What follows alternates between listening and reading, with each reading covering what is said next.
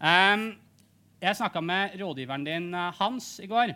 Og så spurte jeg er det noe liksom, dere er interessert i å snakke om. Og så sa Hans at Audun han kan snakke om hva det skal være, men han vil helst snakke om politikk og ikke om det derre der spillet.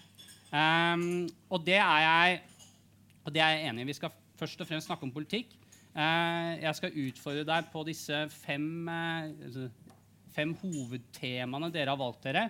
Fordi dere har da satt opp fem hovedkrav. Dere skal drive kamp mot ulikhet, dere skal ha profittfri velferd, dere skal ha flere lærere, dere skal gå fra olje til nullutslipp, og dere skal ha atomvåpenforbud. Dette er de viktigste hovedsakene deres. Så dette er da hovedfokuset vi skal snakke om, og som jeg skal utfordre deg i dag på. Men vi må også snakke litt om hvordan det kan gå opp og ned i politikken.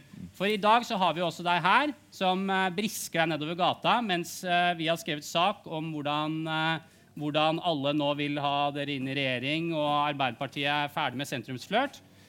Men det var ikke alltid det gikk så bra. Eh, fordi at eh, jeg satt og googla litt, og så fant jeg da fra Det er bare sånn et halvt års tid siden eller noe sånt nå, så fant jeg denne kommentaren i VG med tittelen 'Pregløse og uviktige'. heter den. Og Der står det SV-leder Audun Lysbakken har mislyktes som partileder. SV har lav oppslutning og har mistet sine beste folk. SVs problem er at partiet ikke har tenkt nye tanker siden Audun Lysbakken tok over for fem år siden. Partiet var i krise, kommunevalget var en katastrofe osv. osv. I, uh, i det uendelige. Altså, det er ikke så lenge siden at hver gang media skrev om SV, så var det fokus på at det var krise. Altså, Du tok over i en veldig vanskelig situasjon Eh, dere hadde et stortingsvalg hvor dere så vidt redda dere over sperregrensa. Og hver gang media skulle skrive om dere, så var det krise. Hver gang dere prøvde å gjøre noe, så var det som et forsøk på å komme dere ut av krise. Og det jeg lurer på, er hvordan er det Mamma ringer. Ja. hvordan er det egentlig å jobbe i et sånt klima når media er så fokusert på at det alltid går dårlig? Først må jeg få lov å si takk for at jeg får lov å komme. Det er jo ikke så verst for en bergenser å bli tatt inn i varmen i Trondheim. Uh, så det er en ære å få være på første frokostmøte på Litteraturhuset. Um, jeg kom med nattog i dag, så ble jeg tatt imot av en sånn uh, gjeng SV-ere på stand utenfor uh, uh, Trondheim S med Lars Haltbrekken i spissen. Og tenkte sånn Det her er vinnermentalitet, for klokken var halv syv. liksom. Så det er mye energi i laget. Og det er helt sant at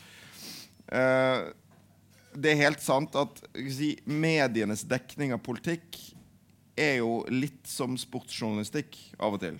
Uh, og da tenker jeg ikke så mye på Klassekampen og sånn, men uh, hvis du liksom er i VG-verden Og det er den store svakheten nå til liksom, kommentariatet som skal skrive og fortelle om politikk, at det veldig ofte blir en fortelling om personer og en fortelling om form. Liksom, nå er de i god form, nå er de i dårlig form. Eh, og, og, kommentariater har jo det til felles at de som regel er på etterskudd. da. De prøver å forklare ting etter at det har skjedd. Uh, og det betyr at Et parti som har gjort det dårlig, for eksempel, så vil det hagle med veldig bastante forklaringer på hvor elendig det er. Og så snur det. da. Og så skal de samme folkene plutselig forklare hvorfor det går bra. Men det er veldig sjelden at uh, kommentatorer for eksempel, greier å forutse endringer som kommer. Uh, og det er helt sant at SV har vært ille ute. Vi gjorde noen fryktelig dårlige valg. Men vi har jo jobbet hardt over lang tid for å snu det, og det tar veldig lang tid å snu en negativ trend. Men det er to ting som er viktigere enn noe annet. og Det er ha et tydelig politisk prosjekt og stå for det over tid. Til slutt så kommer noen til å legge merke til det. Uh, og det andre er få folk med, bygge en organisasjon. Og, og vi har altså uh, noe det høyeste medlemstallet på over ti år. Uh, og i moderne politikk så er det det viktigste du kan ha. det. Fordi uh, valg avgjøres ikke på TV lenger, de avgjøres i møte mellom folk. Du trenger en bevegelse av tusener av mennesker som skal få noe til. Og så har vi bygget med deg, en veldig tydelig politisk profil konsentrert rundt to ting. Den ene er kampen mot ulikheten. Det er en dyp folkelig uro rundt økende ulikhet i makt og rikdom i Norge. Og det andre er at vi skal være eh, miljøpartiet for alle på venstresiden. Det kan jo ikke minst folk se her i Sør-Trøndelag, der vi har den kanskje mest profilerte miljøverneren de siste 20 årene i Norge som, som førstekandidat. Så, så det tydelighet og sterk organisasjon, det er nøkkelen. Da snur det til slutt. Og det som det kommentatorene i VG skriver, er jo ikke så veldig viktig i det lange løp. Og det betyr jo at når de nå skal forklare hvorfor vi gjør det bra, så tar de sannsynligvis omtrent like mye feil som når de forklarte hvorfor vi gjorde det dårlig. Vi har ikke blitt så sinnssykt mye smartere over natten, men vi jobber med en, et langsiktig prosjekt, og det har vi drevet med lenge. Og det er ganske enkelt og, enkelt og greit. Ok, men fordi Du sier jo dette her med at media det blir, veldig, det blir spill, det blir, og det er form, men det blir også veldig mye på det her med person. Jeg vet med meg selv at liksom sånn, Hvis jeg går på jobb og så leverer jeg et produkt, og så får jeg kjeft fra sjefen etterpå, eller leser ut av kontakt og sier at det var en, en ræva artikkel du skrev, og du tar feil, og, og du er et råttent menneske, og sånt, ja. så, så, går det inn på meg. Da har jeg gjerne liksom, da har jeg en dårlig dag.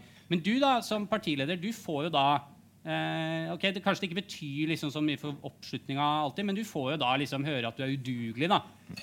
300 ganger i VG og andre aviser. Altså, Er ikke det på et sånn rent personlig plan er ikke det utrolig tøft å stå i de jo, altså det skal jeg ikke nekte for. Det kan det selvfølgelig være. Så skal jeg huske at eh, det har jo Jeg, jeg har jo vært med lenge etter hvert. da uh, Og det gjør jo at liksom, også når ting har vært på sitt verste, så har jeg jo visst at det går opp og ned.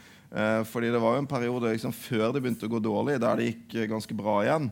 Uh, og der det ofte sto veldig pene ting hos meg fra de samme folkene som, som få år etterpå fortalte hvor ubrukelig jeg var. Og nå skriver de noe annet igjen. Så jeg vet at det går litt opp og ned. Men ja, selvfølgelig er det sånn.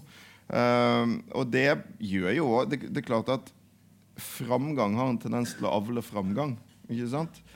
Så eh, vi som parti og jeg som partileder gjør det selvfølgelig også bedre når det går bedre. Du får sjøltillit, du får styrke, du får autoritet av det. Eh, så eh, det fine for oss nå er jo at vi har gode målinger og fått liksom et slags sånn momentum i valgkampen mens det ennå er en god del tid igjen. da. Uh, så det er klart Vi gleder oss veldig til den innspurten. her, For nå føler vi at vi har noe å bygge på. At det kan komme til å gå veldig bra. Og vi kan bli den store positive overraskelsen i det her valget. Det er selvfølgelig vanvittig mye gøyere enn der vi var for fire år siden. For eksempel, der vi visste at ok, det er ryggen mot veggen, mm. det er kamp for å overleve. Vi var ja, Vi var 2000 stemmer fra sperregrensen, og det er, liksom så, det er så nært stupet som du kan komme. liksom. Ja. Um, men uh, du sier framgang kan avle framgang, men, men, det motsatte er jo også definitivt uh, tilfellet. Uh, vi skal snakke om SV og vi skal snakke om, om eh, deres politikk her i dag. Men, men, la oss bare hoppe bitte litt bort til Jonas Gahr Støre og Arbeiderpartiet. Mm. Fordi Der ser du at nå er den der krisestempelet i ferd med å bli smelt i panna på dem. Nå har de, lever, de leverer målinger på 28% 27 mm. uh, og det er snakk om det er krise, det er krise.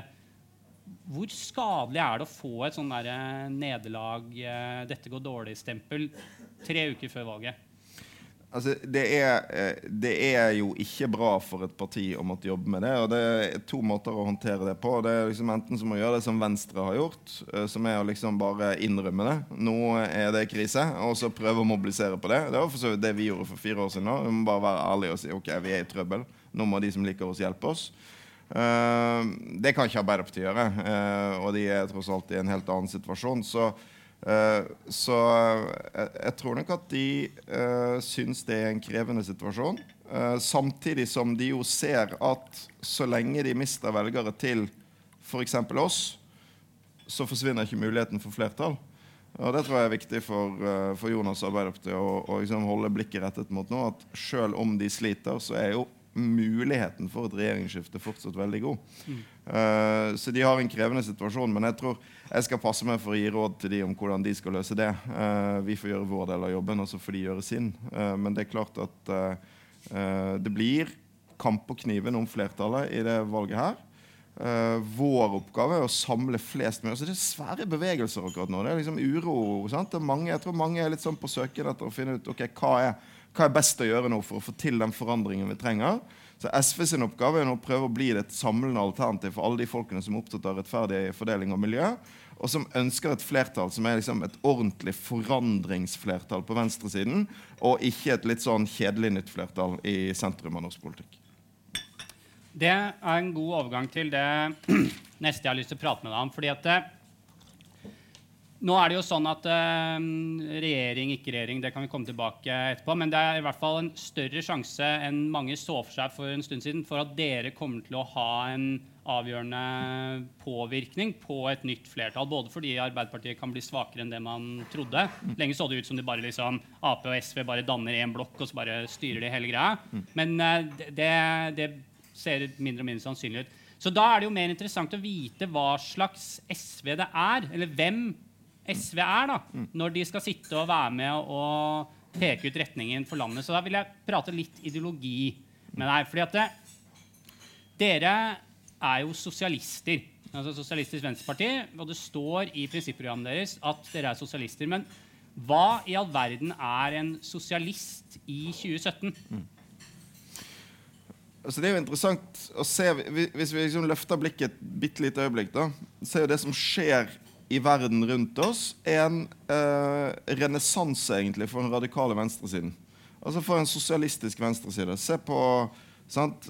Sanders i USA, Corbyn og den retningen Labour har tatt i Storbritannia.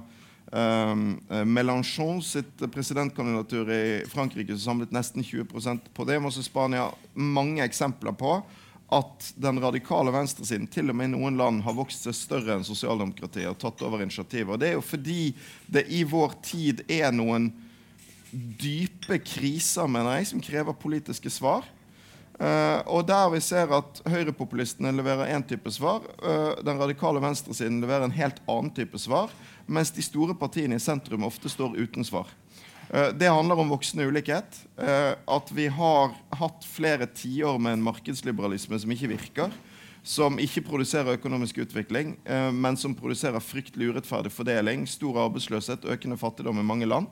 Norge har vært et unntak, men vi merker òg den utviklingen i Norge nå med en raskt voksende ulikhet i makt og rikdom. Og vi har en klimakrise eh, som, eh, som, ruller fram på samme tid. Ja, men, men dette skjønner jeg. Men, men, hva er forskjellen på altså Dere er sosialister. Dere er Sosialistisk Venstreparti, og dere er sosialister, står i prinsipprogrammet. Men hva er forskjellen på en sosialist og en, eh, og en hyggelig sosialdemokrat.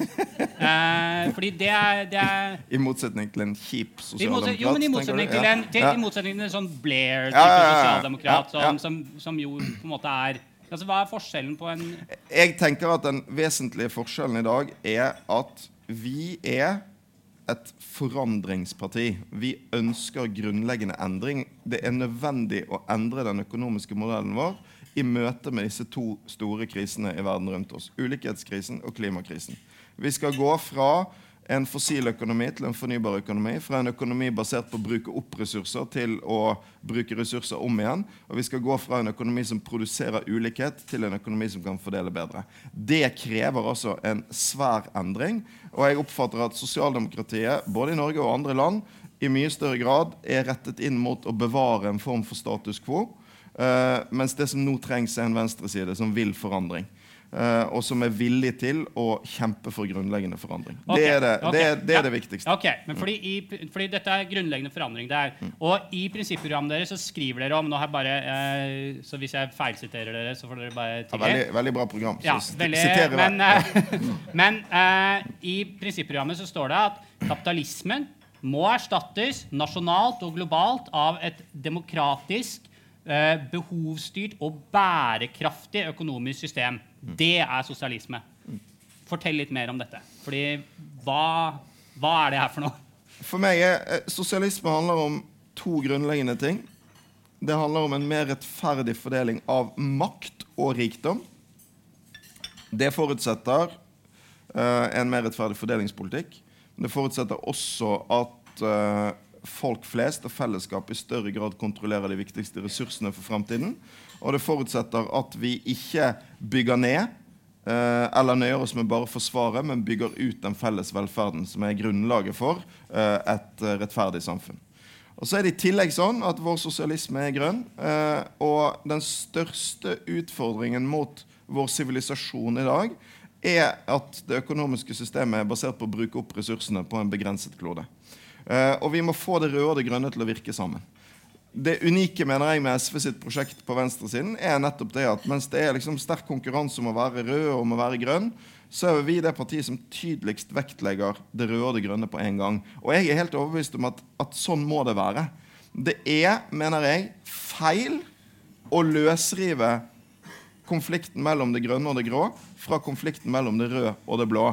For veldig mange av de samme løsningene som må til for å løse fordelingskrisen, eh, som må til for å fordele bedre. Det handler om uh, små forskjeller, om å ta kontroll med markedskreftene, også helt nødvendig for å løse miljøkrisen, som ikke vil kunne løses av en kapitalisme som har en tendens til å ta de kortsiktig lønnsomme valgene i en tid der vi er nødt til å ta de langsiktig bærekraftige valgene.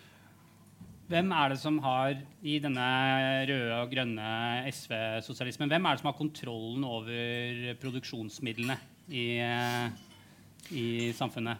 Så jeg tenker at I dag så er jo Uh, hvis du går 100 år tilbake, så var venstresiden for at staten skulle eie alt, og høyresiden var for at uh, private skulle eie alt. I dag så handler den politiske konflikten i større grad om miksen av de to. Ja. ikke sant? Uh, det tror jeg gjelder hele det politiske spekteret. vi på venstresiden ønsker mindre marked, sterkere fellesskap. Vi ønsker større grad av felles eie av viktige ressurser. Vi ønsker større grad av direkte eie for arbeidsfolk sjøl, f.eks. Mer samvirkeforetak, flere arbeiderstyrte bedrifter. Vi ønsker uh, å tilbakeføre fiskeressurser til kystbefolkningen. Men det er også selvfølgelig rom for, og skal være rom for, både privat næringsliv og markedsløsninger i vår sosialisme. Så det er blandingsforholdet tror jeg, som, ja. som er den største, største, diskusjonen. Sånn tror jeg det til og med er hos, hos Rødt i dag. Uh, mens, uh, og, men den store forskjellen er jo at vi ønsker å drive venstresidens prosjekt lengre i retning mer forandring, sterkere fellesskap, mindre marked. Men sosialdemokratiet sitt prosjekt i Norge i dag oppfatter jeg i stor grad er å prøve å bevare Norge mest mulig akkurat sånn som det er mm. nå i øyeblikket. Og det er ikke nok for oss. Du tok opp denne lille røde oppkomlingen på ytre venstre. Rødt gjør det jo, gjør det jo skarpere enn de har gjort det noensinne. Hva, nå har jeg utfordra deg på hva som er forskjellen eh, med Sosialdemokratene, men dere blir jo stadig utfordra på hva er forskjellene mellom dere og, og Rødt, mm. egentlig? Altså Det er jo interessant med denne valgkampen at si, alle de mest progressive partiene for å bruke det uttrykket, vokser på en gang. SV går fram, De Grønne går fram, Rødt går fram. Uh, og Det er jo et uttrykk for tenker jeg, summen av det, for at vi òg i Norge opplever noe av det samme som i mange land rundt oss der mange søker mot en tydeligere politikk for fordeling og miljø. Uh, så mener selvfølgelig jeg uh, at det som er best for å få til noe for fordeling og miljø, er at flest mulig av de velgerne samler seg om SV. Men jeg har ikke tenkt å, å, føre denne valgkampen liksom, ved å snakke negativt om Rødt eller om De Grønne. Det er høyresiden som er, er, er motstanderne. Så, så, vi, så, tror jeg liksom at vår ambisjon i SV er å være et samlende alternativ for de røde og grønne kreftene i norsk politikk. Så tenker jeg at det får bli litt sånn opp til Rødt og MDG å forklare hvorfor de syns det er nødvendig å ha egen butikk. Eh, ikke sant? Eh, men for, for, vår del så, så, er det et mål å samle flest mulig av de som er opptatt av rettferdig fordeling og miljø, rundt vårt prosjekt. Som handler om begge deler. Okay, så du, du, vil ikke si noe, du, du ikke altså, si noe om jo, hvor det er Vi har ulik tradisjon. Mm. Uh, og, uh, og, ideologi. Du skal ikke undervurdere betydningen av det i politikk. Det er klart det har noe å si for vår identitet. Jeg mener nok også at en ulik vektlegging av det grønne i SV og, og Rødt. Um, og det fins noen ulike standpunkter knyttet til enkeltsaker som skole og sånn. Men vi ser jo òg at vi kan hjelpe hverandre med å sette saker der vi er enige på dagsordenen. F.eks. Uh, uh, kampen mot profitt i velferden, forskjellsdebattene. Uh, der har jo jeg og Bjørnar for eksempel, kunnet hjelpe hverandre med å sette dagsordenen, og det er jo bra. Da eh, går vi over til litt sånn mer eh, politikken dere har eh, tenkt å vinne dette valget på. Fordi Du nevner jo dette her med ulikhet og Forskjells-Norge, som har blitt en stor sak i valgkampen. Eh, og da lurer jeg litt på hvorfor det. Altså, fordi at eh, Ser vi på Norge, helt ærlig, så er det sånn at vi ser på den der, eh, alle ulikhetsmålene denne Gini-koeffisienten eksempel, viser at Norge er et av de likeste landene i hele verden. Eh, ulikhet kjempeproblem i en hel del land i verden. Men i Norge altså, det er ikke store greiene sammenlignet med globalt. Og, Og de rike i Norge de har det jo De må stå i kø på butikken, sånn som oss andre. Statsministeren må stå i kø på butikken. Hvis ikke så blir de hunsa. Og de rike de føler seg så mobba i det landet her at de liksom rømmer ut av landet. Det er forferdelig. Ja, ja det, men altså det, dette Jeg har sett opptil flere forsider i Dagens Næringsliv hvor her, denne problematikken blir tatt opp. Eh, så jeg lurer på, men helt ærlig, hvorfor er det ulikhet liksom et så stort problem når vi er best i verden på ulikhet? Mm, Jeg tror litt av svaret på det faktisk ligger i eh, nettopp i det du sa nå. Eh, for meg handler det om å ta vare på det beste med Norge. Sant? Eh, og på, på et eller annet rart vis så henger de to debattene som har vært de mest dominerende i valgkampen til nå, eh, sammen. Det, for det har vært ulikhetsdebatten, og så har det vært den litt rare verdidebatten. Som, Litt rare verdidebatten. Ja, som, som er en sånn blanding av eh, moralpanikk og innvandringshysteri og vaffelromantikk. Men, Sant? men, den, men, den, Eh, men den, den er bare altså den verdidebatten det er kodeord for liksom steng grensene. Det er jo egentlig det. Ja. Eh, ikke sant? Altså, for Egentlig er det et forsøk fra Sylvi Listhaug på å få valgkampen til å bli en innvandringsdebatt. Men i det ligger jo faktisk så av og til en antydning til en interessant debatt om hva det er som er viktig å ta vare på med Norge. Eh, og da vil jeg si at det aller viktigste og det vakreste med Norge er nettopp den eh, eh, lille eh, den, De små forskjellene relativt sett. Men så er det jo sånn at hvis du ser samfunnsutviklingen i Norge over tid, så øker ulikheten i makt og rikdom. Det er lett å belegge statistisk. Men ikke minst så opplever jeg at det er en ganske dyp folkelig uro over hvor vi er på vei. For nordmenn er opptatt av likhet. Nordmenn er opptatt av solidaritet. Vi publiserte en rapport eh, i sommer Eh, der eh, sendte jo på oppdrag fra SV og spurte folk i Norge hva de mener om forskjellsutviklingen. Og et stort flertall som mener at forskjellene i Norge har blitt for store. Og det jeg, det viser at folk ikke sant? Jeg, jeg tror ikke det er først og fremst et uttrykk for at folk har lest uh, ulikhetsstatistikk og sett på Gini og sånn. Det er jo fordi folk ser rundt seg en del utviklingstrekk som uroer mange. Det handler om utviklingen i arbeidslivet. ikke sant? Der eh, eh, store håndverkergrupper for eksempel, opplever konkurranse på lønns- og arbeidsvilkår. Ulikhetene vokser. Midlertidighet brer om seg. Det handler om situasjonen i boligmarkedet. Eh, faren for at vi får et stadig større klasseskille mellom de som har foreldre som kan hjelpe dem, og de som ikke har det. Det handler om veksten i fattigdom. Selv om det ikke er lov å si på NRK, så har vi et fattigdomsproblem. Eh, og, det, og det handler om tror jeg da, at mange blir provosert over den sånn uhemmede egoismen til en del av de på toppen av det norske samfunnet. Okay, For det ja, er ja, jo ikke vondt ja, å jeg- være rik i Norge. Jeg skjønner. Men, men altså, det, dette her med sånn meningsmålinger og sånt, når folk sier de er mot Mm. ulikhet og sånt nå, altså, Min erfaring med sånne spørreundersøkelser er at det handler fryktelig mye om hva du, hvordan du spør. altså. NHO hadde en Jeg husker ikke akkurat hva de spurte om, men i hvert fall de, det var, dette er profitt på velferdsgreiene. Hvor de spurte sånn Bør de som driver kommersielle velferdstjenester få lønn som fortjent? eller et eller annet sånt nå? Og da sier liksom 60% av nordmenn sier klart de skal få lønn som fortjent. altså sånn, Det handler mye om hvordan du spør det òg. Ja, men spør du om du syns forskjellene i Norge har blitt for store, så er det et ganske greit spørsmål. Ah, ok, tenker jeg. ok, Jeg- altså, jeg, jeg noen, noen undersøkelser er, eh, er mer ledende enn andre. Det, det kan, Den skal jeg gi deg. Men, men for å ta dette her for dere har jo da, har jo da Et av tiltakene deres da, mot ulikhet i Norge er at dere skal gi alle mer barnetrygd. Mm. Masse mer barnetrygd. Eh, eller hvor mye, det er jeg ikke, jeg er ikke helt sikker på, men dere skal gi mer barnetrygd. Eh, samtidig så er det sånn at eh, dette skal gjøre tiltak for å bekjempe ulikhet, men også fattigdom. Og veldig mange av disse barna som eh, dere skal redde ut av fattigdom, de er ikke fattige.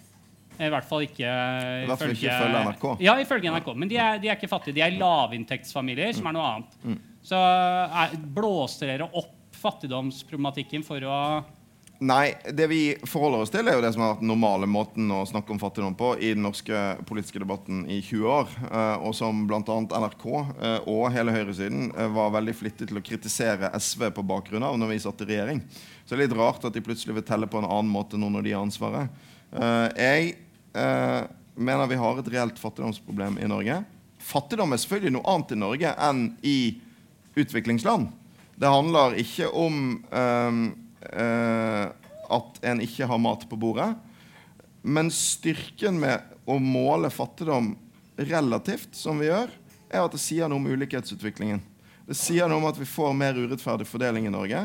Og opplevelsen av å bli satt på sidelinjen for familier og barn Eh, den er sterk, og den er negativ. Det vet vi. Det har vi bøtter av forskning på. Det handler om alt fra det som ofte diskuteres. Hva gjør det med barn å ikke få dratt på ferie sånn som andre får? Ikke kunne gå i bursdager, ikke kunne delta på SFO og i samme aktiviteter som andre. Men også om at vi har mange familier i Norge som sliter med å få endene til å møtes. Og at det må bli slutt på at politikerne snakker om at vi har for mange barn som vokser opp i fattigdom, uten å være villige til å gjøre det eneste som kan hjelpe på kort sikt, nemlig å sørge for at de fattigste familiene får litt bedre råd. For til syvende og sist så handler fattigdom om mangel på penger. Okay, men, og det er derfor ja, barnetrygden okay, okay. Til syvende og sist så handler fattigdom om mangel på penger, vi må gi de fattige familiene bedre råd. Dette her høres veldig, veldig logisk ut. Og så kan vi, kan vi krangle litt på hvem som er fattige, hvor mm. innslaget, innslaget går, for der er det noe uenighet. Men hvorfor, hvis det viktigste vi kan gjøre mot fattigdom, er å gi de fattige familiene bedre råd, hvorfor skal dere da gi penger til absolutt alle? Fordi dere har jo ikke tenkt, eller ikke alle, da, men alle barnefamilier. For dere har jo ikke bare tenkt å gi penger til barnefamiliene. Dere skal jo øke barnetrygden for mm. alle familiene. Og hvorfor, hvorfor eh, er ikke det å kaste ganske mange milliarder kroner som vi kunne brukt til f.eks. grønne skifte, rett i dass eller inn på sparekontoen til eh, penger, foreldre som har penger fra før av? Det er et interessant spørsmål. og Det er ja, i utgangspunktet mange som tenker sånn. Eh, men jeg mener at norsk venstreside må stå opp for den universelle velferdsstaten. Velferdsstaten vår er ikke en fattigkasse. Det er en ordning for fellesskapet. Vi betaler inn skatt, og vi får noe tilbake. Det er utrolig viktig at også middelklassen får noe tilbake fra velferdsstaten. Ellers er altså alternativet stadig flere private forsikringer og stadig mindre vilje til å betale skatt. Og Det geniale med barnetrygden er at den både reduserer fattigdom og ulikhet. Fordi det den gjør, det er at den fordeler litt til de som får barn. Og alle som har barn, vet at det følger mange gleder med det. Det følger også en del kostnader. Eh, og jeg mener det er helt fair at velferdsstaten sørger for å styre ressurser i retning de som på ulike vis gjør en innsats for fellesskapet. Og det for barn, det er en innsats for fellesskapet. Og Derfor ser vi også på ulikhetsstatistikkene at barnetrygden bidrar til lavere ulikhet totalt sett. I tillegg så er det en effektiv måte å bekjempe fattigdom på. Fordi det høyresiden alltid vil ha, og som ville vært alternativ også for barnetrygden, med inntektsregulerte ordninger, det er jo at passerer du en viss inntekt, så mister du de pengene. Sant? Hva skjer da? Jo, vi vil jo at flest mulig av de som lever i fattigdom, skal komme i arbeid. Men da lønner det seg jo mye mindre å komme i arbeid. da. Så du lager sånne fattigdomsfeller. Derfor er det smart med ordninger der du får beholde pengene også hvis du jobber mer eller kommer i jobb. For da, da øh, kan du gjøre sånn at fattige familier får litt mer å leve av her og nå, uten at du svekker lønnsomheten ved å komme i arbeid. Og så, og så det siste. Sant? Nettopp det at velferdsstaten ikke er noen fattigkasse. Jeg, jeg, pleier å be folk tenke på barnetrygden som et skattefradrag. Vi har masse skattefradrag for ting vi syns er fornuftig. Hvis du pendler til jobb, så kan du få skattefradrag. Fordi samfunnet er opptatt av at du skal jobbe. Det er bra for samfunnet å jobbe. Jeg tror at Hvis barnetrygden var et skattefradrag, så hadde ingen vært mot den. Alle hadde syntes det er jo fair. Mm. Men eneste grunnen til at det er en trygd og ikke et skattefradrag, det er at da får også de fattigste. For de har mm. ikke fått noe hvis det var skattefradrag. Okay, men, men dere, dere, er for universelle løsninger. Det er ikke en fattigkasse, det er universelle løsninger. Eh, samtidig så er det sånn at når jeg ser på, ser på disse fem hovedkravene deres, da, så har dere, tatt, dere har gjort meningsmålinger, og dere er veldig stolte av at dere har folket bak dere. Men i den saken her så er, ikke, er dere ikke så ivrige på å høre på folket. fordi at det, Velferdsbarometeret eh, Jeg husker ikke akkurat hvilket forskningsinstitutt det er, men eh, Velferdsbarometeret ble gjort eh, for et par uker siden. Og på mandag så trykket Klassekampen en undersøkelse som viser at 67% av befolkninga mener at velferdsytelsene bør være mer målretta. Altså det motsatte av det eh, dere gjør. Dere sier universelle. Folk sier mer målretta. Jeg lurer på om det bare var sånn 8 eller noe sånt, som var helt uenig i den problemstillinga. Så burde dere ikke lytte på Hvis dere lytter på folk i ulikhet, burde dere ikke lytte på dem når de jo. sier målrett disse ytelsene? Men husk at målrett kan bety litt, målrette kan bety litt forskjellige ting. Det trenger ikke bety inntektsgradering. fordi vi er for det vi ønsker å gjøre med barnetrygden, er å øke den sakte, men sikkert tilbake til det nivået den var på før. Den har stått stille i 21 år, så den har blitt mye mindre verdt. Det er en av de viktigste grunnene til økende antall fattige familier. Det er faktisk òg en av grunnene til økende ulikhet i det norske samfunnet. Eh, det vil ta tid. For å få mer umiddelbar effekt for de fattigste familiene så ønsker vi å gjeninnføre noen tillegg som var i barnetrygden før. Søskentillegg for familier med mange barn. Eh, og eh, ekstra barnetrygd for en del aleneforsørgere. Det er fordi at Blant de fattigste familiene i Norge så finner vi veldig mange aleneforsørgere. Veldig mange store familier. Så Det er også en form for målretting. Men det er mye smartere målretting enn inntektsgradering, som veldig ofte er høyresiden sin løsning. Jeg er veldig mot sånne ordninger som de har innført f.eks. i barnehagene, med inntektsgradering. Det høres fint ut, men det betyr i praksis at hvis, du, øh, hvis mor ikke jobber, øh, så får hun billig barnehage. Hvis hun begynner å jobbe, så mister hun den barnehagen. Og da er det mye mindre lønnsomt å komme seg arbeid. Ok, Folk har ikke skjønt på en måte hvor bra Nei, det er ikke det jeg sier, men Nei, folk ja, okay, ber om ja, målretting, ja. og vi mener vi har en smartere måte å målrette på enn Ok, høyresiden. ok. Nei, men, nei, men det er greit. Men du, du tar, opp, uh, tar opp dette her med barnehager, da, så vi kan, vi kan bevege oss over. En annen viktig ting som uh, dere har kjørt fram, det er dette her med profittfri velferd. Det skal bli slutt på at kommersielle kan ta ut profitt fra velferdstjenestene våre. Eh, samtidig, og dette har du sikkert hørt eh, flere ganger i valgkampen, så var det jo dere som inviterte de kommersielle inn i barnehagesektoren. Eh, under det gigantiske barnehageløftet, som er liksom det største dere noensinne har gjennomført som parti. er det ikke det? Jo, Jeg er enig om det. Okay, og det største dere noensinne gjorde, dere var inviterte inn kommersielle i barnehagesektoren. Eh, og hjalp, sørga for full barnehagedekning. Den, er på 90, den har aldri vært så bra. Den er, 92, nei, altså den er på topp nå. Og nå sier dere at nå skal de ikke få lov til å tjene penger. Um, så vi kan ta den først. og så er litt sånn... ja, fordi jeg, vil, jeg vil utfordre historieskrivingen litt. da Ja, okay, Eh, er- selv- selv jeg, Jo, men Jeg anklager ikke deg for det, for det er den vanlige historien å fortelle. Men der har jo da eh, noen av de store barnehageeierne fått lov til å definere historien på en litt rar måte. Sant? Det at vi sørget for barnehageplass til alle, det er jeg vanvittig stolt av. Det har altså betydd en utrolig konkret forbedring i folks liv.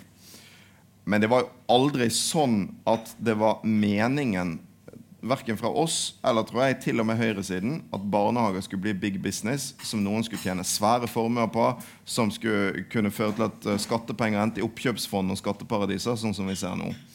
Eh, det var jo også sånn at for å få barnehagereformen gjennom, så var vi nødt til å gjøre kompromisser med høyresiden i sin tid. Valget om kommersiell utbygging er jo tatt i stor grad av blå kommunestyrer, ikke av SV i regjering.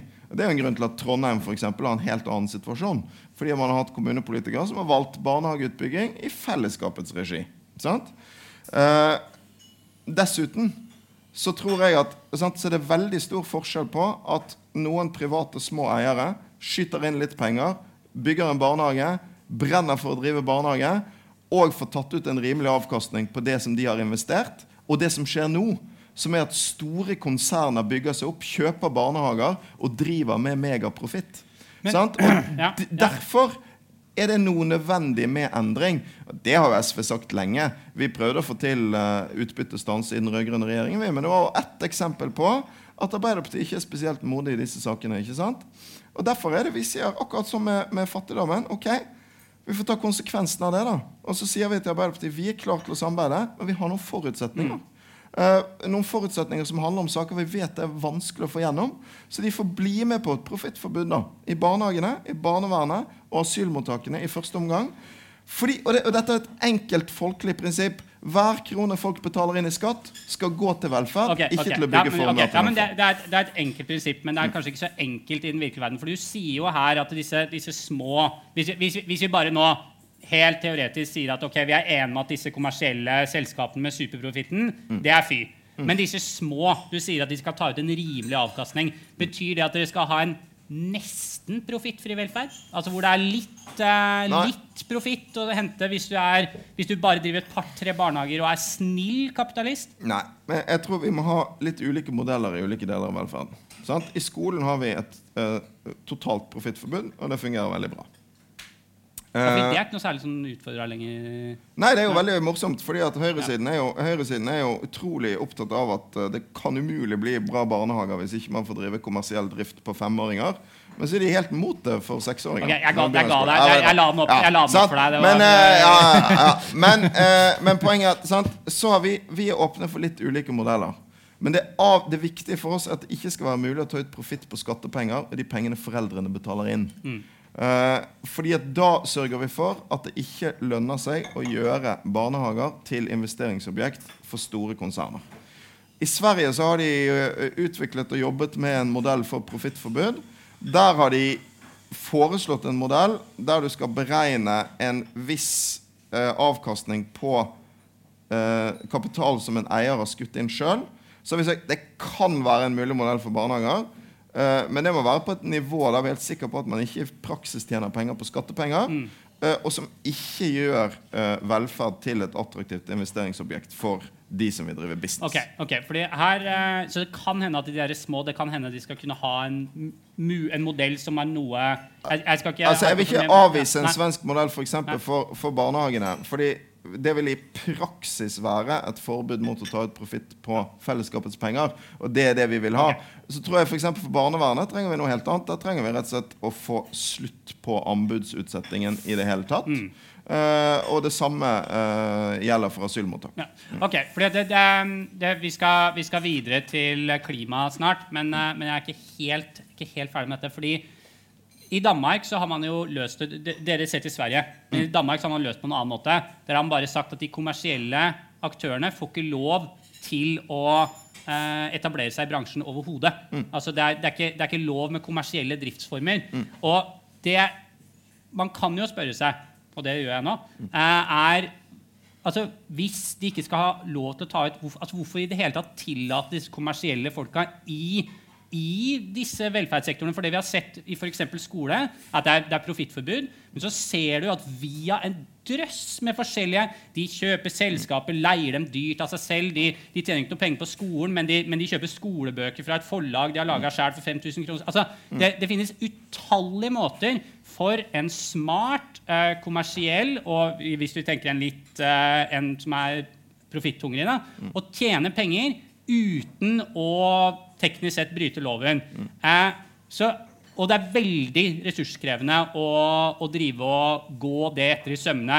Du hadde vel denne saken jeg husker ikke, Akademiet eller noe sånt, nå, hvor vi, har brukt, vi, de, vi fant ut at de hadde, brukt, eh, 12, de hadde fått 12 kroner for mye, eh, millioner kroner for mye i støtte.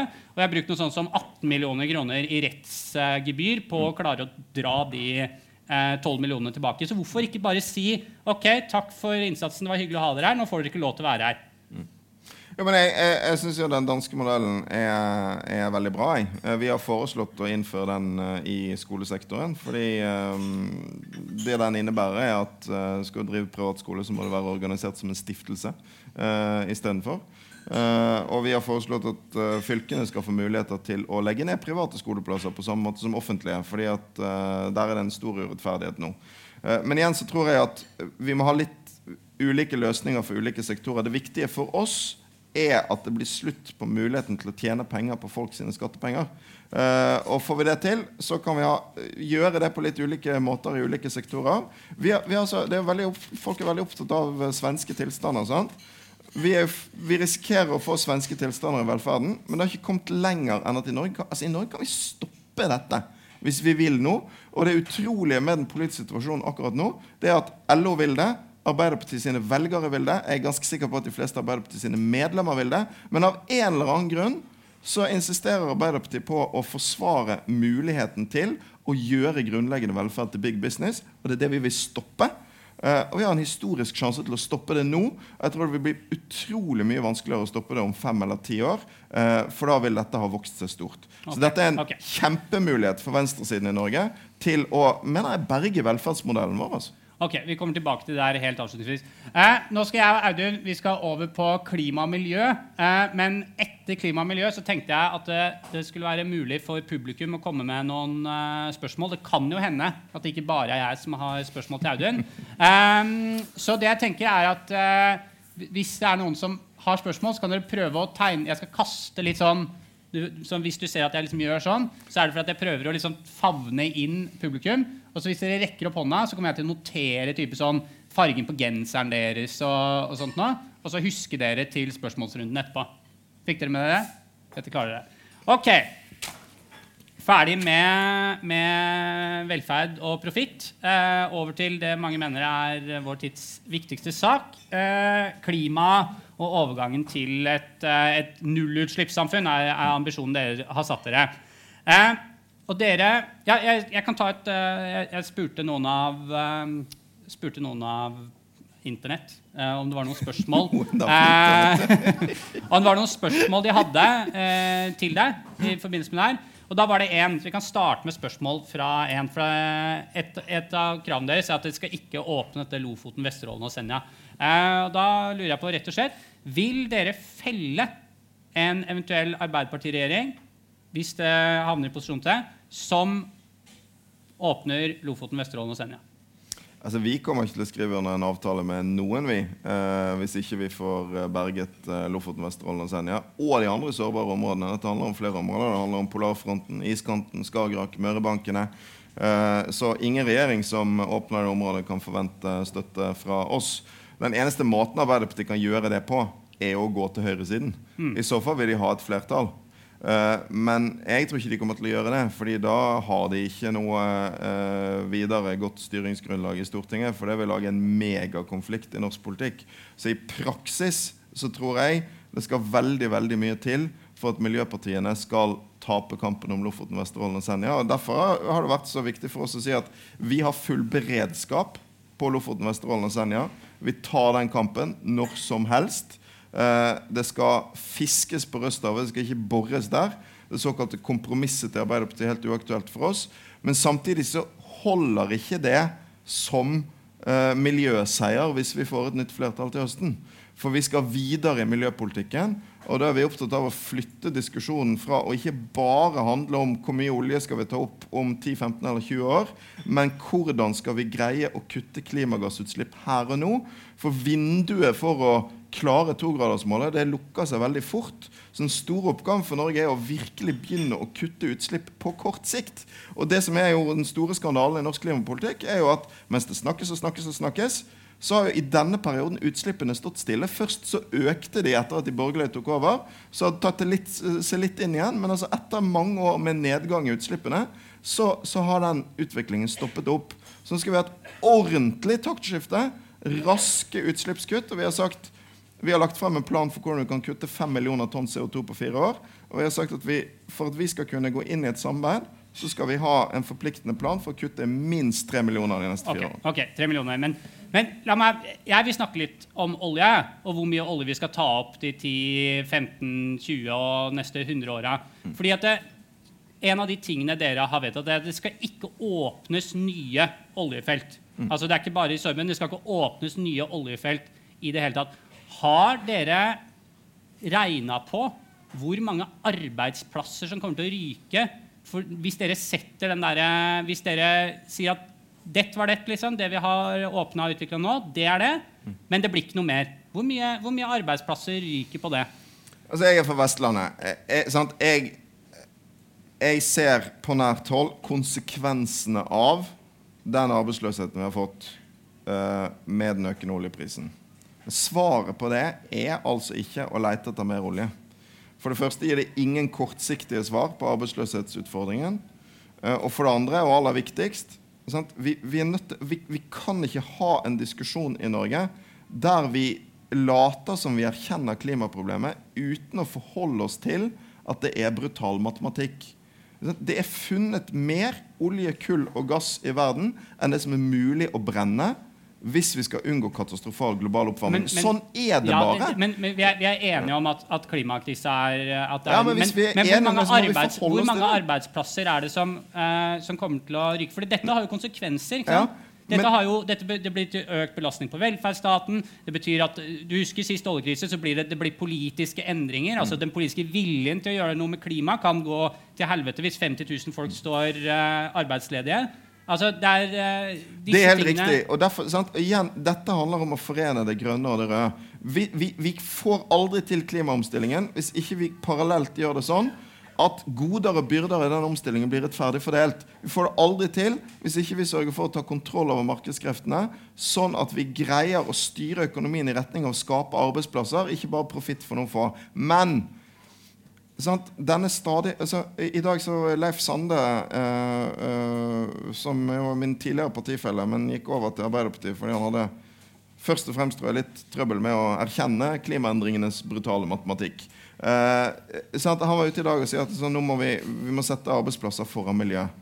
Så vi må ut av en debatt der vi sier at det automatisk er en motsetning mellom de to. For hva er det som kommer til å skje hvis vi investerer massivt i ny oljeleting nå?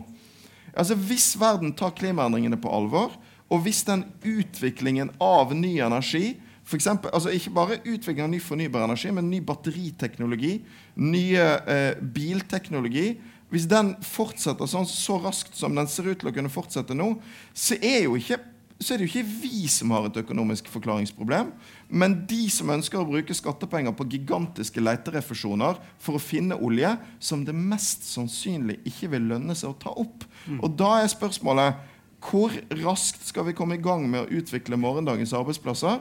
Hvis vi blir mer oljeavhengige nå, så frykter jeg at det er det som kommer til å føre til industridød og massearbeidsløshet i Norge. Rett og slett for mye av den oljen vil det ikke være marked for. Ikke sant? Og det, det er så, så, så, så, Tenk hvor langsiktige norske mm. politikere var når de tok Norge inn i oljealderen. Vi må klare å tenke like langsiktig når vi skal ut. Og bare gjenta det vi har drevet med de siste 40 årene, er altså ikke en strategi for en sterkere norsk økonomi, men sannsynligvis en strategi for å svekke norsk økonomi. Men, men, men veit, veit dere i det hele tatt at avviklinga av norsk oljesektor vil ha noen effekt på klimautslippene? For det er jo ikke som at det er manko på olje i verden. Altså, det kommer jo til vi, Ok, vi kutter vårt, vi åpner ikke noe nytt. Og Saudi-Arabia åpner en ny brønn, og på en måte de tjener de, tjener de oljepengene. Eh, altså, jeg, jeg, jeg, spør fordi det er, liksom sånn, det er blitt en sånn dundrende etablert sannhet på venstresida om at olja den er, eh, den er, den er fæl. Men men hvis det på en måte er først og fremst en slags symbolsk, moralsk handling, så må vi jo spørre oss om det. Fordi de sier jo at i framtida så kommer det til å være behov også Eller ja, det er litt forskjellig hva folk sier, da. Men de anslår at det kommer til å trenges noe olje. Og hvorfor skal ikke vi, vi være de som henter opp den, og så ta de eh, milliardene som vi tjener på det, og så putte dem inn i et industrielt omstillingsfond fordi Saudi-Arabia kommer aldri til å gjøre det. Så er det ikke bedre at vi tjener de der oljemilliardene og bruker dem på noe bra, enn at Saudi-Arabia gjør det og kjøper liksom slaver, eller hva det nå er de gjør i eh, Jo. Ja, altså jeg, jeg, jeg unner Saudi-Arabia ingenting godt. Eh, for å si sånn Vi kan jo f.eks. begynne med å slutte å selge krigsmateriell ja, til dem. Ja, ja, ja. Uh, men, men, men hør, da. Altså, det, nå er det veldig ulike eh, anslag for hvor mye fossil energi vi vil trenge, og hvor lenge. Og det som jeg mener det er en ganske tydelig tendens til nå, er jo at tempoet i omstillingen til fornybar energi har vært undervurdert. Det har med sånne ting som jeg, jeg snakket om nå, utviklingen i batteriteknologi, tempoet i uh, utviklingen av nye kjøretøyer osv. Vi har dramatiske konsekvenser for behovet for bensin og dermed for olje. Men i tillegg så er det jo sånn uh, at hvis altså, Norge kommer til å være en oljenasjon lenge ennå på grunnlag av de feltene vi har åpnet. Det store politiske spørsmålet er skal vi leite etter mange nye. Er det fornuftig miljømessig? Men også vil det være marked for den oljen? Og Det er det jeg har sånn problemer med i debatten i dag. at For de store partiene så er det altså en vedtatt sannhet at ja, det er fornuftig økonomisk strategi. Altså, Hvordan kan man være sikker på det? da? Vi blir avkrevd svar hele tiden på om ja, men har dere råd til velferden. da? Men altså, oljepartiene er nødt til å bli avkrevd svar på det. Er de sikre på at de enorme investeringene de er i ferd med å gjøre i fossil energi, vil være lønnsomme på sikt? Jeg tror nei. Og da er det plutselig en helt altså, Men, men er, er, dere sikre på at dere klarer å skape de arbeidsplassene dere sier at dere skal skape? Ingen kan være sikker på at vi har en enkel oppskrift på hva vi skal leve av i framtiden. Men den utfordringen må minst like stor grad gå til Arbeiderpartiet og Høyre som til oss. Og så tror jeg, sant, vi, det, det, all denne praten om sånn, hva som blir den nye oljen, det er stort sett tull. Ikke sant? Altså, Alt skal liksom bli ny ja, Alger, ja, ikke sant? Alger, kunst alt. Det er ingenting som blir den nye oljen. Altså, vi, vi vil måtte lage et næringsliv som er mye mer Men jeg var i Sandefjord i går. Sant? Det siste hvaltoktet fra Sandefjord gikk i 1967. Tilfeldigvis det samme året som uh, Norge oppdag, fant olje. Ikke sant? Uh, den gangen så trodde jo alle at Sandefjord skulle gå under. For når de ikke kunne jakte hval lenger, hvalressursene var brukt opp, hva skjedde? Og Sandefjord er fortsatt en ganske rik by, bl.a. fordi mye av den kapitalen som var hentet ut av hval, den fant en plass i den nye økonomien knyttet til olje.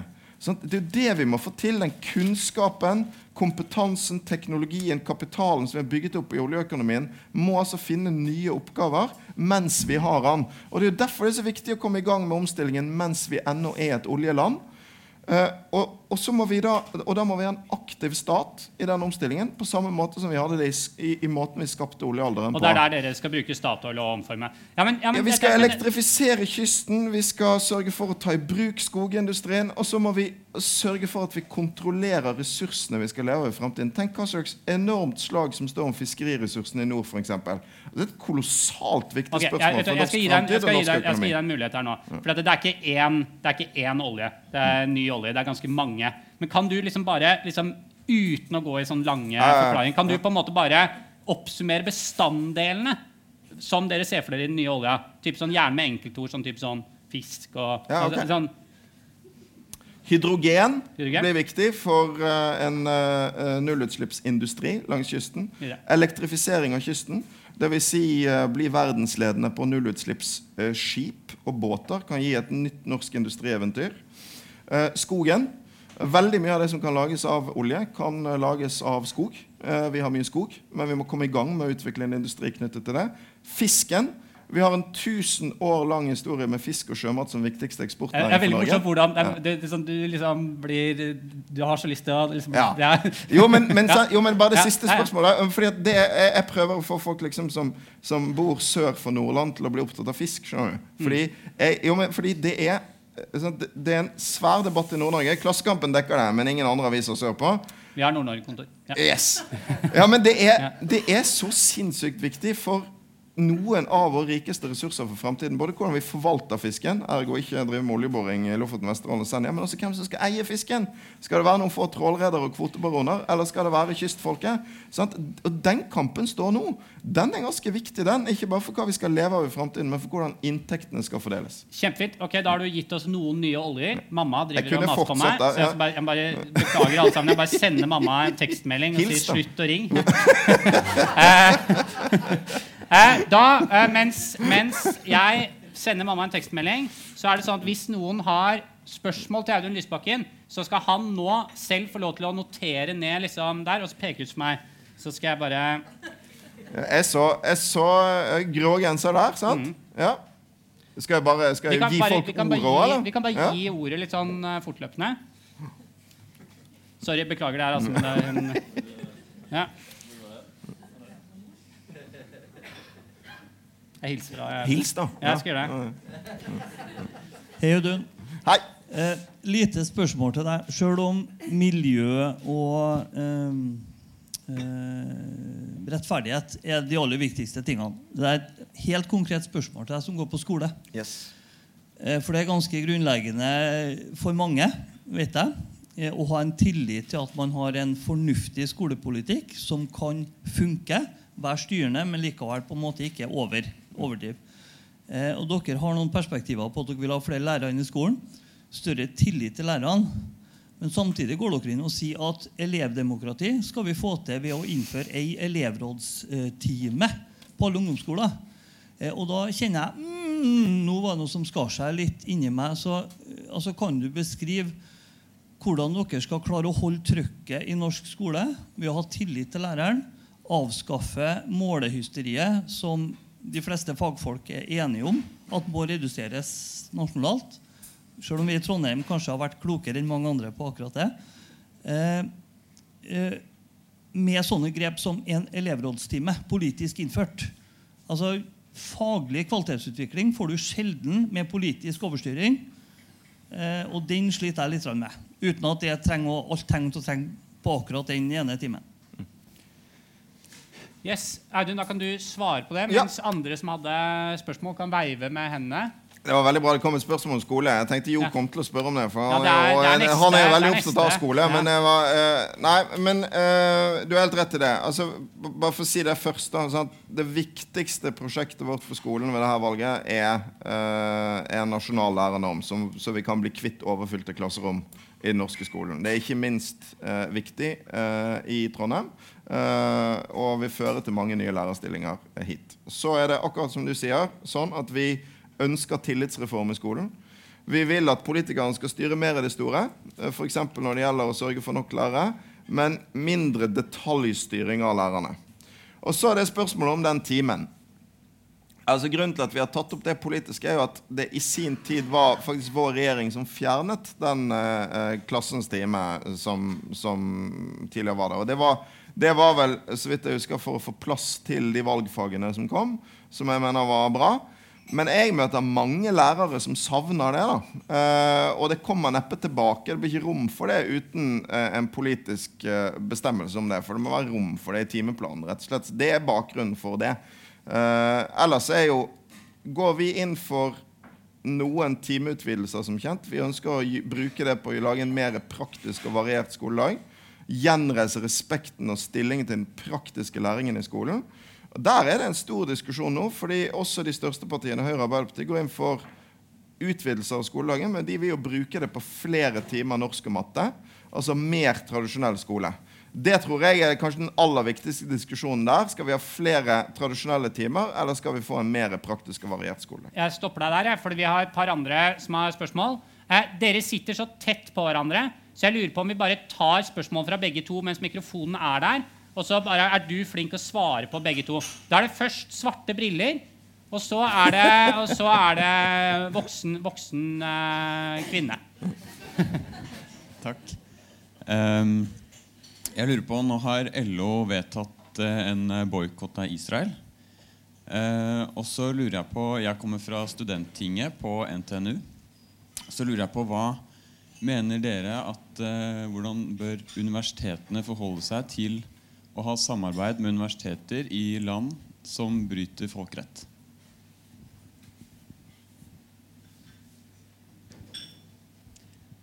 Ja, Det var et helt annet problem jeg ville ta frem. Du snakka om ulikhet. Og Jeg er jo biblioteksjef i Trondheim. Og det jeg ser, det er ulik i kunnskap. Det er noen som eier kunnskapen. Jo har vært innom på vi som eier Internetten. Eh, mange eier ikke den kunnskapen. Hva tenker SV om ulikhet i forhold til det å eie kunnskap? Da har du fått uh, to uh, utfordringer. Um, når det gjelder uh, uh, boikott først, så uh, er jo SV uh, for uh, boikott av Israel når det gjelder f.eks. Eh, våpenembargo. vi har støttet initiativene til forbrukerboikott. vi har ikke tatt stilling til spørsmålet om akademisk og kulturell boikott. Der er det nok også litt ulike syn tror jeg, på venstresiden rundt hva virker best. og Den diskusjonen har vi også på, på universitetene. så der skal jeg passe meg for å gi dere noen sånn råd på vegne av partiet. Det er nok litt ulike syn hos oss eh, også på, eh, på, det. Men at boikott er et virkemiddel som kan bidra til å legge press på land som bryter folkeretten, det vet vi. Det så vi fra Sør-Afrika. Og det grunnleggende problemet for palestinerne i dag er at det ikke eksisterer et reelt internasjonalt press på Israel for å gi opp okkupasjonen. Tvert imot så opprettholdes jo okkupasjonen eh, pga. militær og politisk støtte fra Vesten.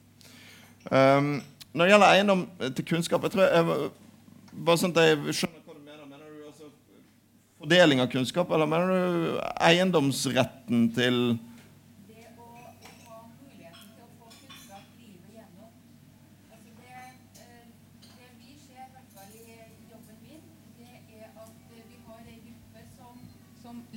får kunnskap.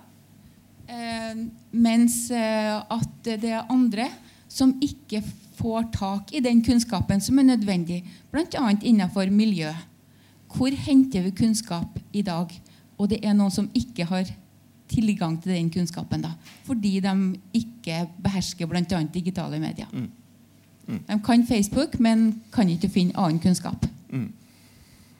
Nei, Det er et viktig spørsmål. Jeg tror Det går jo inn på skolepolitikken igjen. Sant? Så Det er faktisk et spørsmål om hva slags skole skal vi ha. fordi noe av den kritikken som har kommet mot den norske skolen, og som jeg mener har mye for seg, f.eks. fra uh, dette Ludvigsen-utvalget som har gått gjennom norsk skolepolitikk, og som både SV og lærerne har gitt mye skryt til, er jo en kritikk av at skolen har blitt for mye konsentrert rundt det du kan kalle overflatelæring. Altså det å kunne reprodusere eksisterende kunnskap på kort tid. Uh, og mindre uh, uh, konsentrert rundt det som egentlig er den viktigste formen for læring, nemlig å sørge for at alle barn og ungdom lærer å lære. Altså lærer å finne kunnskap og bruke kunnskap. og det er det som ruster de best for, for framtiden. Det taler for en skole med tillitsreform, som jeg sa, med mindre testing og målehysteri. eh, med mer vekt på en praktisk og variert undervisningsform. Eh, og eh, større rom for uh, bl.a. kreativitet og kultur. Eh, det er også et godt argument for det biblioteksløftet som vi ønsker oss eh, innenfor kulturpolitikken, og som handler om å tilgjengeliggjøre bibliotekene som samfunnsarena for, for flere. Jeg stopper deg der, fordi vi skal ha et spørsmål fra eldre herre på første rad. Så vær så god. Ja. Jeg, jeg heter Arne Espelund. Um, jeg er i grunnen veteran siden 1950 innen politikken. Den gangen vi hadde det tredje alternativ. Det er to små punkter jeg har lyst til å Jeg, jeg blir så forbannet på dette ordet 'reform' som brukes. Det er jo reform Hvis du går inn i norsk ordbok på reform, så er det en forbedring. Og jeg syns denne reform, bruken av ordet reform på jernbane, helse, skole osv. Jeg syns det er en, en skam for det norske, bruken av det norske språket. For eh, det vi først og fremst opplever, er jo da at det, er, det går veldig utover de ansatte. Det er en eh, F.eks. når det gjelder helsetjenester. Hvis helsepersonalet har rimelig gode arbeidstjenester, kommer det oss til gode. Hvis de er stresset, så går det veldig mye utover oss. Jeg syns vi skulle helst latterliggjøre ordet reform på en eller annen måte med en skikkelig politisk, språklig snert. Det er jo i virkeligheten rasjonalisering som foregår. Det er et mye, mye mer dekkende ord. Eh, Andre punktet, Arne. det, det, det, det samme gjelder jo også jernbanen, f.eks. Det typiske er at de, de har så stra- stramt tidsprogram at de kan gjøre akkurat, akkurat den jobben. Selv om de oppdager at noe annet er gærent, så har de ikke mulighet til å gjøre noe med det. Og Det er, fører jo til en veldig dårlig behandling av totaliteten. Har de ansatte rimelige arbeidsforhold, så kommer det oss og eh, pleietrengende og togpassasjerene til gode. Det var det ene. Det andre punktet mitt det er, eh, går jo inn litt inn i EØS-diskusjonen. Jeg syns det ikke kommer tydelig nok fram at Norge er et spesielt land med produksjon av tre produkter olje, eh, fisk og aluminium. Og vi er veldig komplementære i forhold til f.eks. For Sverige. Sverige er jo nær sagt et, et speilbilde av den tyske kontinentale bearbeidingsindustrien. Vi har en veldig, veldig stor forskjell. Det har vi vært i 2000 år. Jeg driver og jobber sammen med arkeologer, så jeg finner ut at vi var allerede den gangen også eksportører til Romerike.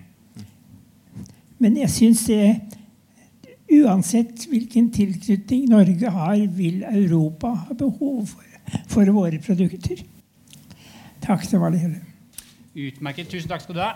Du fikk eh, to utfordringer der, eh, Audun. Kjør på. Ja, altså jeg er hjertens enig når det gjelder reform. For meg er reform noe positivt. Jo, vi, vil jo, vi vil jo reformere for å skape et mer rettferdig samfunn, et mer bærekraftig samfunn. Men de siste årene så har jo eh, reform blitt synonymt nettopp med ting som sentraliserer, privatiserer eller øker forskjellene. Ikke sant?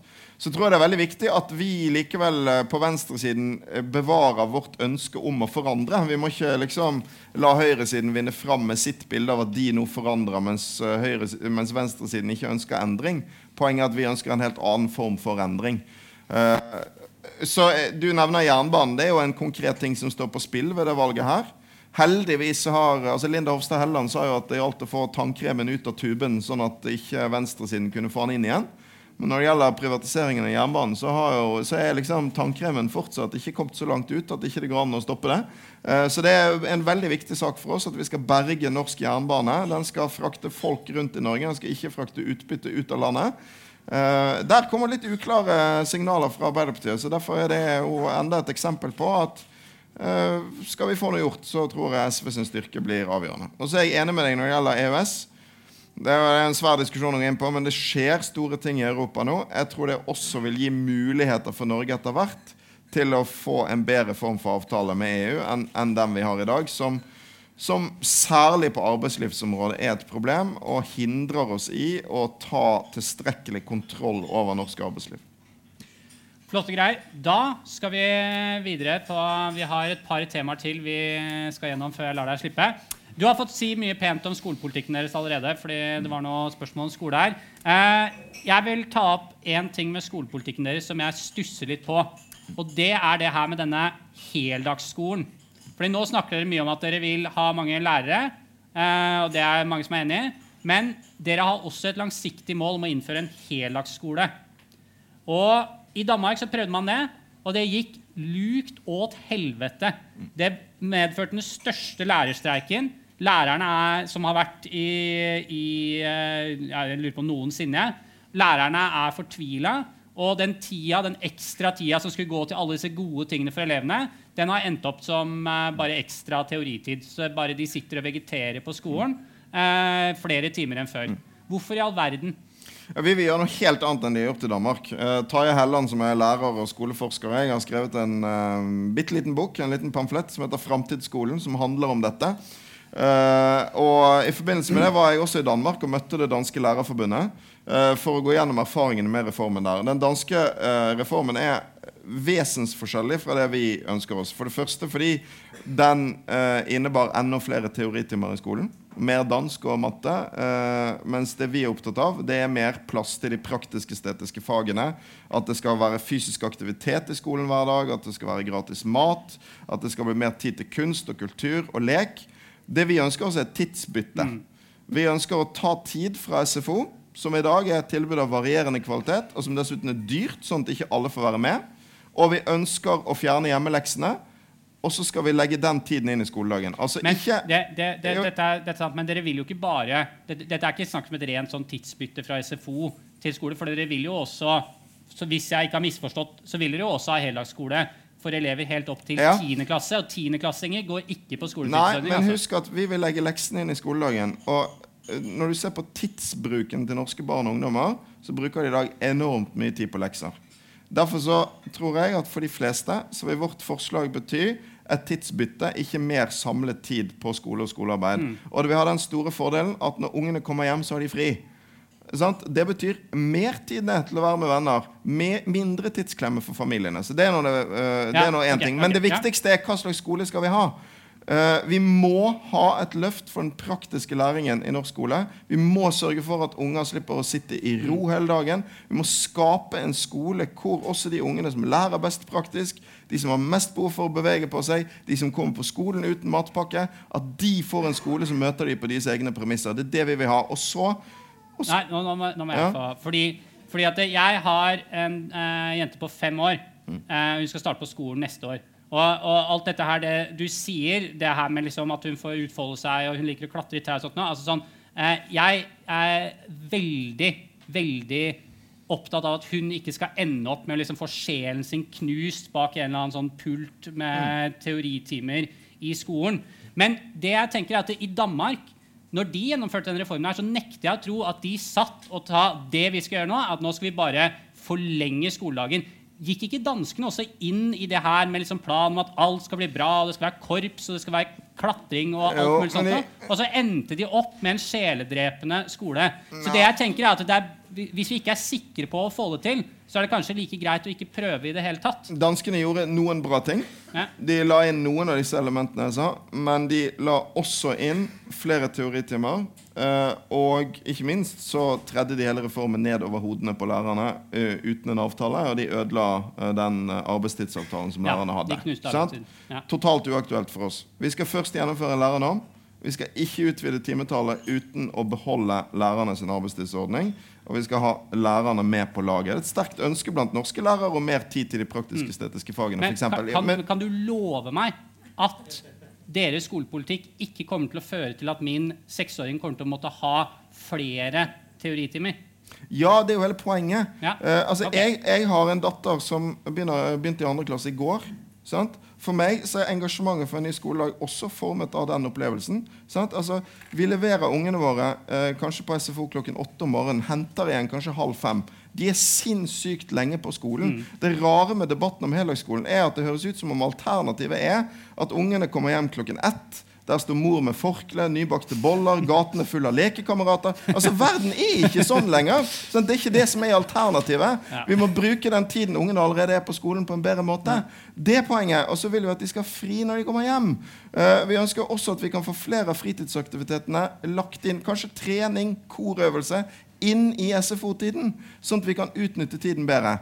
Og, og så og så viktig poeng. Du får et siste viktig Sist- poeng. Siste, poeng viktig poeng, og det er nemlig hva står den politiske kampen om her? Ja. For jeg syns vi altfor ofte får den diskusjonen som er sånn Ja, men SV vil utvide skoledagen, og du vil ikke. Mm. Sant? Realiteten er skoledagen kommer til å bli utvidet, for de fleste partiene går inn for det. Kampen står mellom oss, som vil at den skal utvides til en mer praktisk og variert skoledag, og de store partiene, som alltid vil ha flere timer norsk, matte. Altså, vi har hatt en enorm utvidelse av timetallet i norsk skole de siste 20 årene. Det kommer til å fortsette. Spørsmålet er hva skal det bli? Og da, så, så vi må ikke ha den diskusjonen du om poenget ditt. sant? Ja. Ja. Det er det som okay, det, er det, det handler om. Ja, nei, men, nei, men, okay. Nei, fint. Eh, vi eh, begynner å få litt eh, dårlig tid. Jeg vil superkjapt innom eh, forsvarspolitikken deres eh, på, på veien, før vi snakker bitte lite grann avslutningsvis om eh, mulig regjeringsmakt. Sånt. Fordi venstresida sin forsvarspolitikk, når jeg leser venstresida sin forsvarspolitikk, så tenker jeg dæven døtte, dette her, det er flotte greier. Dette er moralsk helt på topp. Takk Gud for at vi ikke får gjennomslag. Eh, jo, jo, men, men hør nå. Eh, en, av, en av tingene dere er for det er, to, det er to punkter jeg vil ta opp. Det ene er at dere er for et forbud mot atomvåpen. Nå kan du få lov til å forklare litt det, men, men tanken som slår meg er tenk om, vi, tenk om vi prøvde å gjennomføre det, og så endte vi opp med at alle, alle de demokratiske landene de bare avvikla atomvåpnene sine. Og så viste det seg at Vladimir Putin og Kim Jong-un de hadde gjemt unna en fire-fem eh, atomraketter. Og da satt vi der, da. Eh, andre er at dere vil eh, For å nevne Vladimir Putin igjen, da. Dere vil, samtidig som vi har en slags sånn kryptofascist eh, som sitter i Russland, som har vist at han er villig til å sende soldater, riktignok uten, uh, uten uniformer, uh, inn i nabolandene sine for å med makt opprettholde og utvide sin uh, destabilisere og, og hevde sine interesser. Samtidig så vil dere melde oss ut av Nato. Skal begynne med atomvåpen. Og, og, og et, et poeng til. Og forsvaret vårt. Jeg satt her med Tormod. Heier, med Tormod Heier, som er en av de smarteste folk på. Forsvaret i Norge. Mm. Og han sa at forsvaret vårt det er nå så dårlig at vi, vi hadde tapt selv en lav, det laveste nivået av krisen med Russland. Så hadde det norske forsvaret det hadde tapt slaget allerede før vi hadde begynt å skyte. Fordi vi har rett og slett ikke infrastrukturen til å holde ting gående mer enn en, eh, liksom 25 timer eller noe sånt. Nå. Så det er et helt ubrukelig forsvar på toppen. da. Ja. Det var slemt sagt om Forsvaret. Jeg mener ikke at det er ubrukelig, men et veldig Men, svakt et. men det er jo først og fremst en attest til uh, den regjeringen som styrer Forsvaret, ikke en kritikk av Ja, venstresiden det var ikke kritikk. Det var ikke- det er så ikke helt jo- feil. Nei. Men, uh, kanskje, men la, la oss begynne med atomvåpen. Uh, jeg mener det er en skam at Norge har stilt seg på feil side i FN i forhandlingene om et atomvåpenforbud. Sverige er en pådriver. Norge står sammen med USA om å være mot. Det er jo ikke fordi svensker er mer mot atomvåpen enn nordmenn. Det er fordi vi har en regjering som dilter etter Donald Trump og tror det er det som skal trygge norsk sikkerhet. Så er det jo ingen som mener at atomvåpennedrustningen skal skje unilateralt. Altså at bare Nato gjør det, f.eks. Men vi må jo ha et internasjonalt arbeid med et mål om å bli kvitt de våpnene. Det betyr ikke at det er lett, men det er det eneste moralsk og politisk riktige standpunktet. Det må være målet. Det er livsfarlig med den mengden atomvåpen vi har i verden i dag. Så vi vil at Norge skal skifte side i FN og jobbe langsiktig for eh, eh, atomnedrustning og atomvåpenforbud. Eh, så til vår sikkerhetspolitikk. Ja, jeg er ganske overbevist om at så raskt som verden forandrer seg nå, så må norsk sikkerhetspolitikk også forandre seg. Eh, og det tredje standpunkt som var nevnt her i sted, det er jo forbausende aktuelt i vår tid, fordi at vi har økende stormaktskonflikter igjen. På den ene siden så har du et Russland som uh, er- er Det russiske regimet skremmer meg. Jeg er opptatt av at venstresiden skal være veldig tydelig i vår avstand til de som styrer Moskva. de har jo mest til felles med vesteuropeiske høyrepopulister og høyrenasjonalister. Det er ikke tilfeldig at Le Pen og Frihetspartiet i Østerrike liker Russland. Ikke sant? Eh, men svaret på det er jo ikke nødvendigvis å være bestevenn med Donald Trump, liksom. Sant? men- nei. og, og, da, og da, fordi det, det er jo det vi går mot nå, er en verden som er mer multipolar. Dvs. Si mange stormakter. USA vil sakte, men sikkert få en svekket evne til å styre verden og garantere sikkerheten til mange ulike land. Derfor må vi slutte å tenke at vår sikkerhet best ivaretas ved alltid å gjøre det USA vil. Ikke sant? Ta soldatene på Værnesbasen. Er det fornuftig sikkerhetspolitikk for Norge? Er det god investering i norsk sikkerhet å delta i kriger i Midtøsten? Nei, ok, ok, Nei. men, ja, men, ikke sant? Dette, dette her er kjent landskap. Det, det, men, men da må jeg spørre på en måte Fordi vi trenger jo en eller annen form overfor et, et Russland da, eller, eller andre, så trenger vi en eller annen form for troverdig avskrekning. Norsk forsvarspolitikk overfor russerne har alltid vært, har vært bygd på beroligelse. Nå er vi ikke så opptatt av det lenger. Og, nå, men, og avskrekning. Det er de to tingene. Og, og hvordan Hvis det ikke skal være USA, hvis det ikke skal være Nato, hvor skal vi da hente den troverdige avskrekkinga som har vært en del av sikkerhetspolitikken overfor Russland? Altså det, som, det som har skjedd i Norge de siste året, er at vi for første gang på mange tiår har en reell og ordentlig debatt om hvorvidt vi i overskuelig framtid vil kunne lene oss på amerikanske sikkerhetsgarantier. Og Det er ikke bare SV som stiller spørsmålstegn ved det. Stadig flere forsvarsforskere. Det handler om økonomi. Det handler om at uh, Ja, amerikanerne ser mot Asia. Jo, men sant? Ja. Derfor så, så Premisset for den debatten kan ikke være at vi kan la alt fortsette som før. For hvis vi ikke kan det, da, så må vi gjøre noe annet. Da mener jeg at det viktigste for Norge er å søke et sikkerhetspolitisk fellesskap med de landene vi kan være tryggest på å ha felles interesser med oss.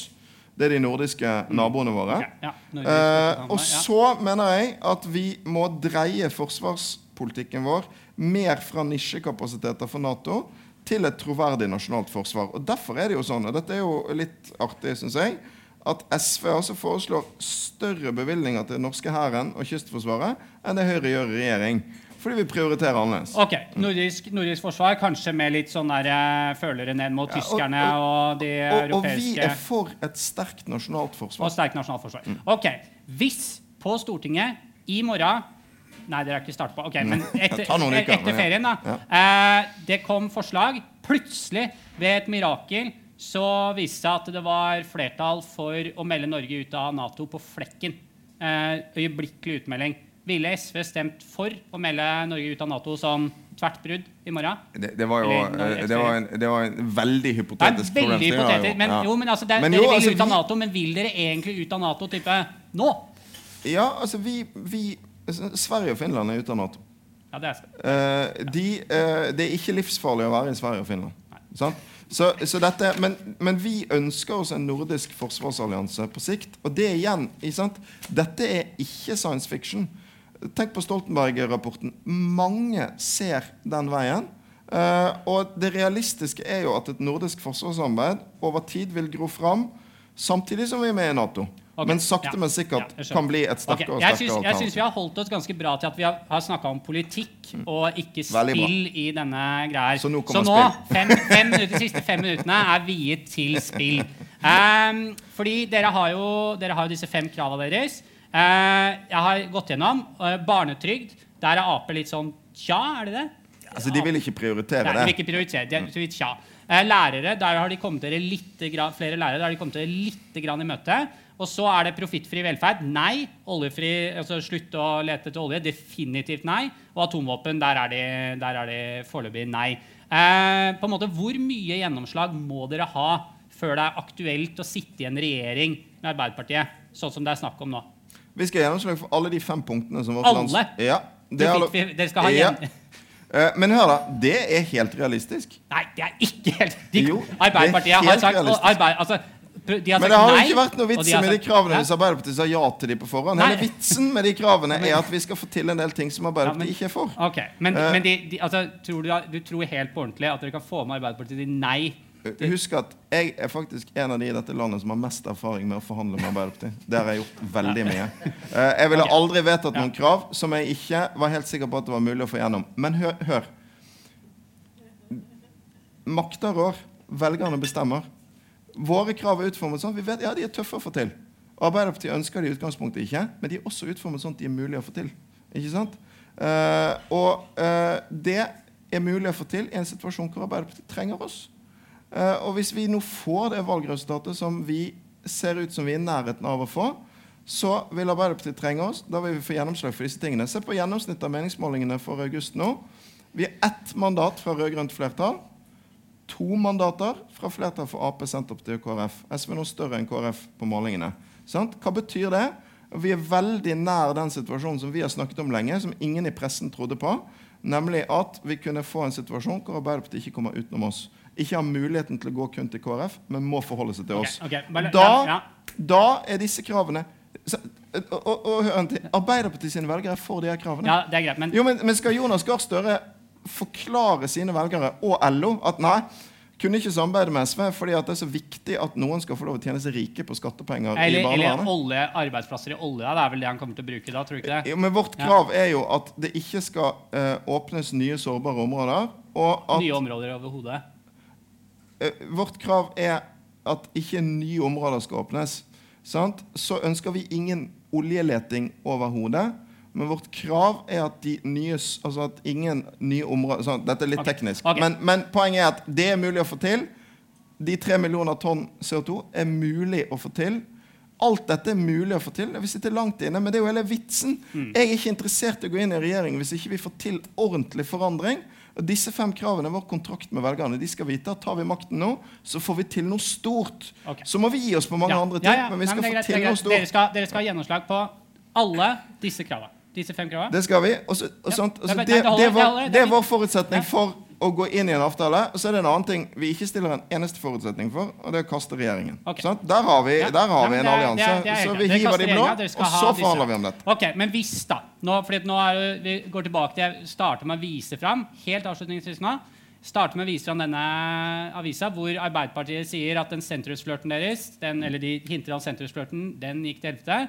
Og nå eh, SV er inne i varmen igjen, er overskriften her. Og de vil ha dere i regjering. Men da lurer jeg på Vil dere virkelig dere selv så vondt? Fordi nå snakka vi om nå For seks måneder siden så satt eh, VG-kommentatorene og skrev side opp og side ned om hvor ubrukelig du er, hvor mislykka SV er, og hvor krise alt sammen er. Og det, det, hadde, det holdt de på med liksom i årevis. Forrige gang dere var i regjering, så gikk dere fra 8,8 til 4,1 og undersøkelsene eh, om vi gjorde noen sånne undersøkelser på taktisk stemmegivning, viste at hvis det ikke hadde vært for at eh, folk hadde stemt taktisk for å få dere over sperregrensa, så hadde dere vært helt nede på 3 eh, Og nå er det snakk om nå gjør dere det bedre på meningsmålingene, men dere er fortsatt bare på sånn Hvis dere gjør et OK-valg nå, så får dere 6% Og hvis vi begynner å ta matten der, så kommer dere til å ende opp altså Hvis det går like tøft som forrige gang, så ender dere opp som et 2 %-parti. Eh, og det er ikke noe gøy. Men altså, jeg driver jo ikke med politikk for at Hans Petter Sjøli skal skrive noe pent om meg i Nei, VG. det er- Eh, nei. Jeg, jeg, jeg, sant? Altså, det, I så fall så er du jeg driver med politikk for å få noe gjort. Sant? Så det er, det er min grunnholdning. Hvis ikke du er interessert i å få noe gjort, da må, da må vi drive med noe annet. Liksom. Uh, men, men igjen så er det Det er litt av poenget med de her hovedkravene. Uh, for det første så Arbeiderpartiet vet veldig godt hvordan det er fatt. De vet at skal de få til en avtale med oss, så må de gå med på disse tingene.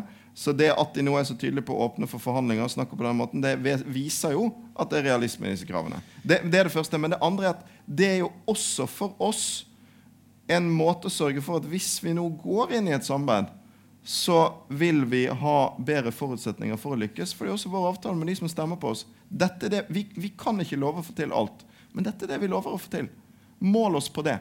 Og får vi de til, så har vi fått til noe stort. Vi har fått til stor forandring, selv om vi må gi oss på andre ting. Og så betyr det òg at når vi setter oss ned til de forhandlingene, ja, så har vi muligheten til å få gjennomslag for det. Men det betyr også at vi kommer til å gå fra de forhandlingene hvis ikke vi får tilstrekkelig gjennomslag. Og det er alltid bedre i, en, i en forhandlingssituasjon å kunne gå, for da får du mer gjort. Eh, det er utgangspunktet. eh, og derfor så er det sånn at Vi går i regjering hvis vi får til politisk endring. Og hvis ikke går vi i opposisjon. Og begge deler er mulig. Politikken avgjør. Flott. Audun Lysbakken, tusen takk for at du eh, var her. Historisk frokostmøte.